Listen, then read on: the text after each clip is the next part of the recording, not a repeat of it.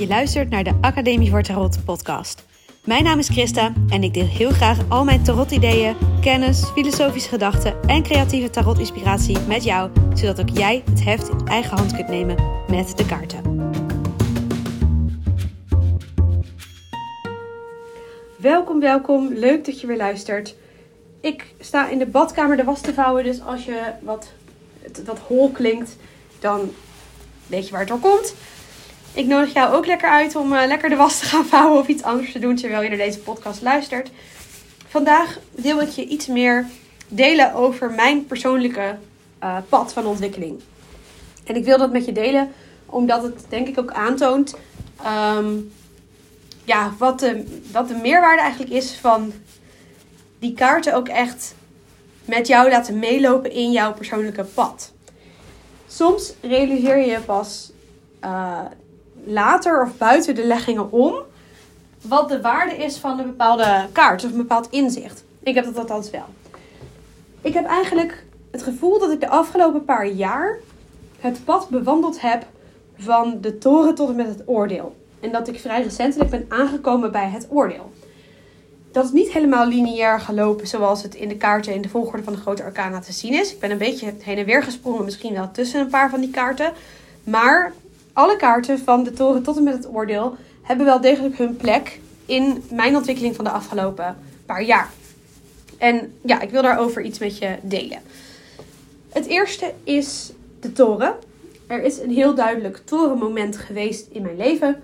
En dat was toen ik burn-out raakte.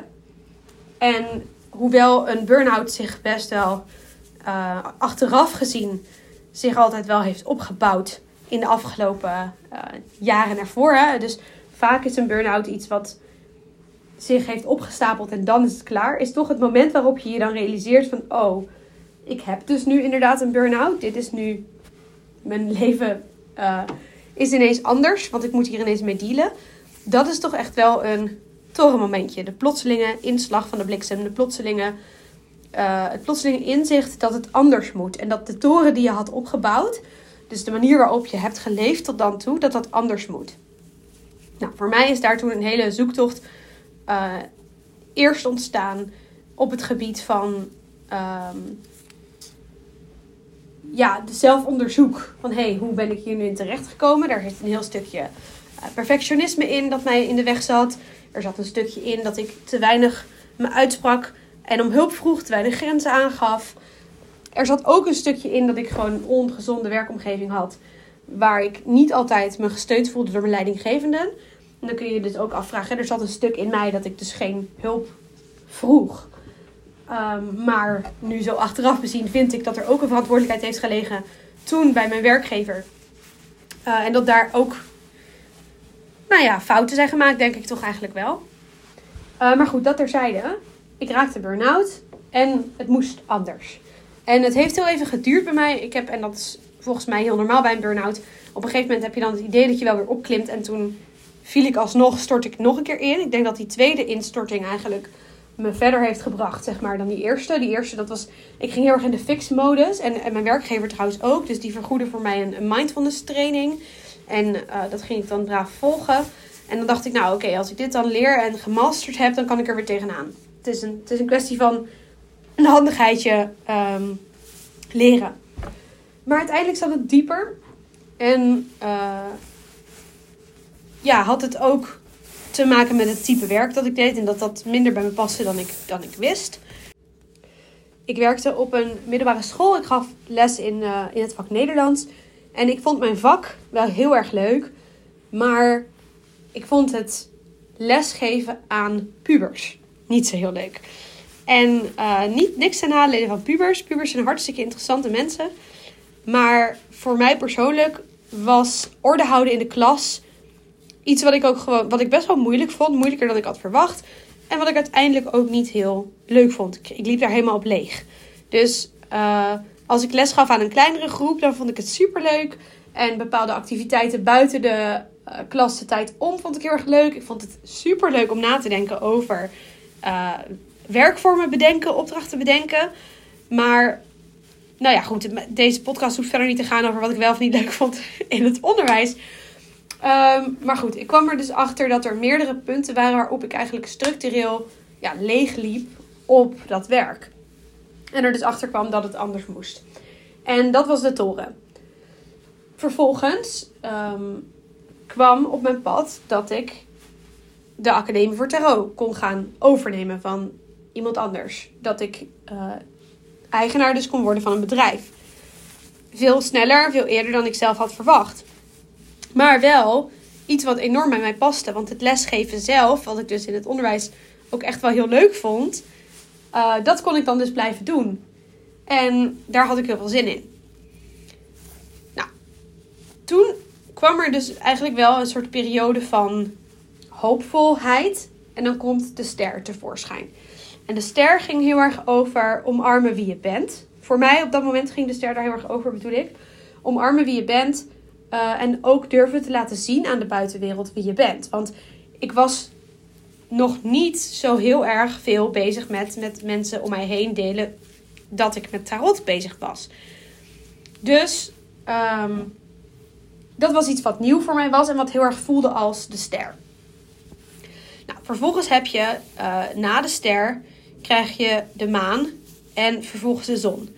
En de maan en de zon hebben niet zozeer in die volgorde gespeeld voor mij, maar wel um, ja, hebben ieder denk ik hun plek in mijn ontwikkeling gehad.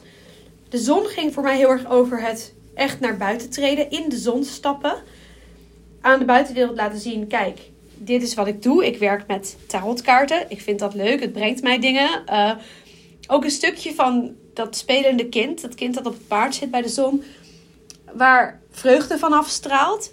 Ook echt weer mijn eigen vreugde terugvinden in het algemeen in het leven. En de maan ging heel erg over het durven aankijken van uh, nou ja, mijn schaduwen en mijn onzekerheden daarover. Want ik was nog wel, zeker in het begin, uh, toen ik net met de Academie voor Tarot gestart was, probeerde ik me toch nog een soort van te verstoppen. En vond ik het best wel moeilijk om aan de buitenwereld te laten zien wat ik deed. Ik was heel erg bang om, om raar gevonden te worden. En nu uh, ja, ben ik er veel meer in gegroeid. Kan ik veel makkelijker uitleggen aan mensen wat die kaarten voor mij betekenen. En waarom het helemaal niet zo uh, raar is als mensen misschien in eerste instantie denken. En ik kom er ook steeds vaker achter dat als ik erover begin, dat mensen het helemaal niet eens per se raar vinden. Dus dat was allemaal aannames van mij. Dat was heel erg die, de maan. Heel erg dat, um, ja, die persoonlijke worsteling met mensen zullen er wel dit of dat van denken. Um, mag ik dit werk wel doen?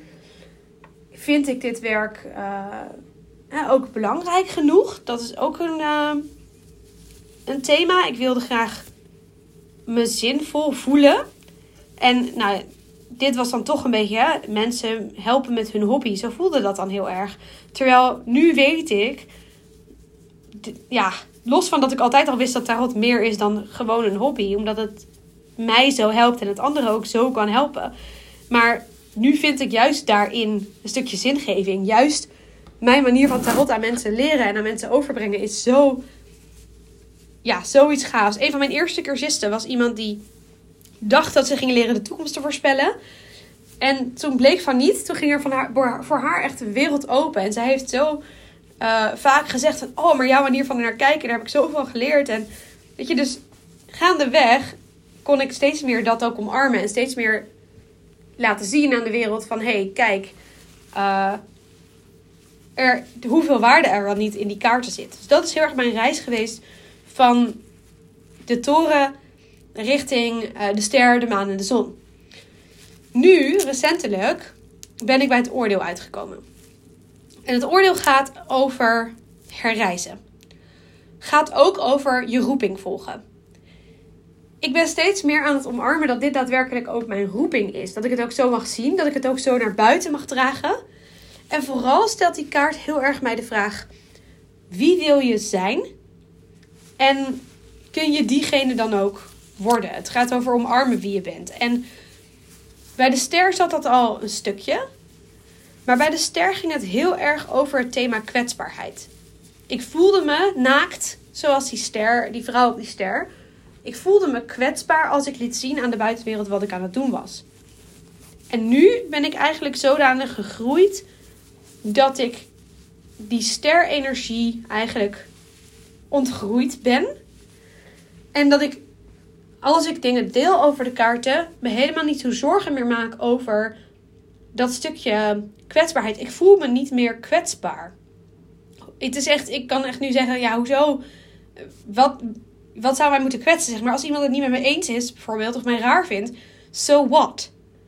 Dus ik heb echt die stap, die stap gemaakt van: oké, als mensen het niet begrijpen, dan begrijpen ze het toch niet?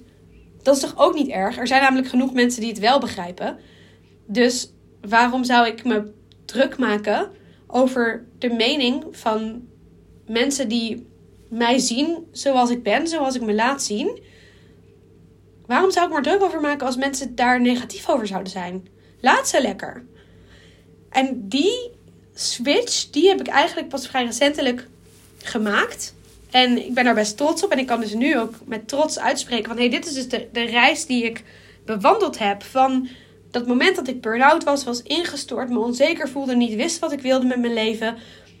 Gaandeweg kwam dan op een pad wat ik dan wel wilde. Ben ik dat gaan omarmen. Ben ik steeds meer naar buiten durven treden. Ben ik in het licht gaan staan. Die energie van de zon.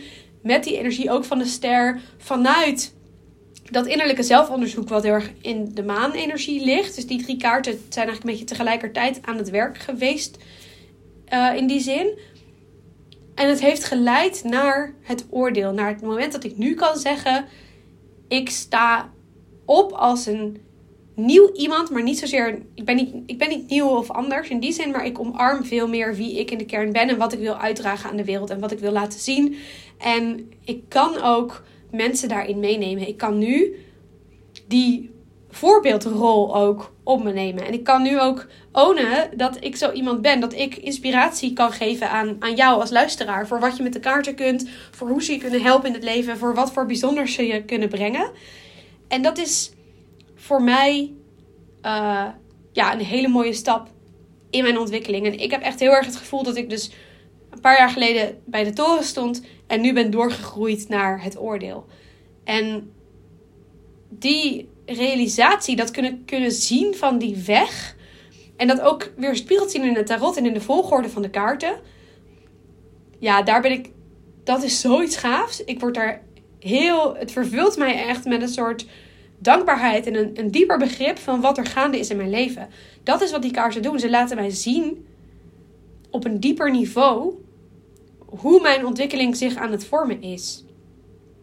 En het is dus niet zo dat deze kaarten achter elkaar tevoorschijn zijn gekomen in een legging of zo. Maar door met verschillende, uh, eigenlijk door verschillende keren leggingen te doen, door op verschillende momenten op verschillende manieren te reflecteren op die kaarten, zie ik nu dat pad wat je in de kaarten ziet ook weer spiegelt in mezelf. En dat, uh, ja, ik gun iedereen dat je, dat je dit mag ervaren. Dat je mag ervaren hoe uh, je jezelf eigenlijk kunt spiegelen aan die kaarten. En hoe je dan je persoonlijke pad kunt vormgeven. En ook als je dus terugkijkt, kunt zien. En daardoor des te meer gaan waarderen. En ja, ook trots kunnen zijn op jezelf. Ik kan nu trots zijn als ik, als ik kijk van... Wauw, dat pad dat ik bewandeld heb tot nu toe. Hoe... Ja, hoe mooi is dat eigenlijk? Dus dat. ik word nu ineens weer een soort van verlegen aan het einde van dit, van dit monoloog. Maar ja, dit is voor mij de kracht van tarot. Dit is voor mij waarom het zo tof is om met die kaarten te werken. Omdat ik in die kaarten zie wie ik ben. En voor mij heeft dat, hangt dat dan ook samen met wat ik voor werk wil doen. Maar dat hoeft het natuurlijk helemaal niet te zijn. Dus je hoeft niet, als je kaarten legt, daar vervolgens je werk van te maken. Om op eenzelfde manier dat te ervaren als ik. Zoals ik dat nu met je deel. Goed, ik ga hem afronden. Dit is een van mijn, uh, een van mijn langere inmiddels, zie ik uh, nu ik naar de klok kijk. Ik hoop dat het je inspireert. En uh, als dat zo is, laat het me weten. Stuur me gerust een mailtje of een berichtje via Instagram. Ik vind het hartstikke leuk om reacties te horen op de podcast. En ja, dankjewel. Dankjewel voor het luisteren. Dankjewel dat ik dit mag en kan delen met jou. Ik wens je een super fijne dag en tot de volgende podcast.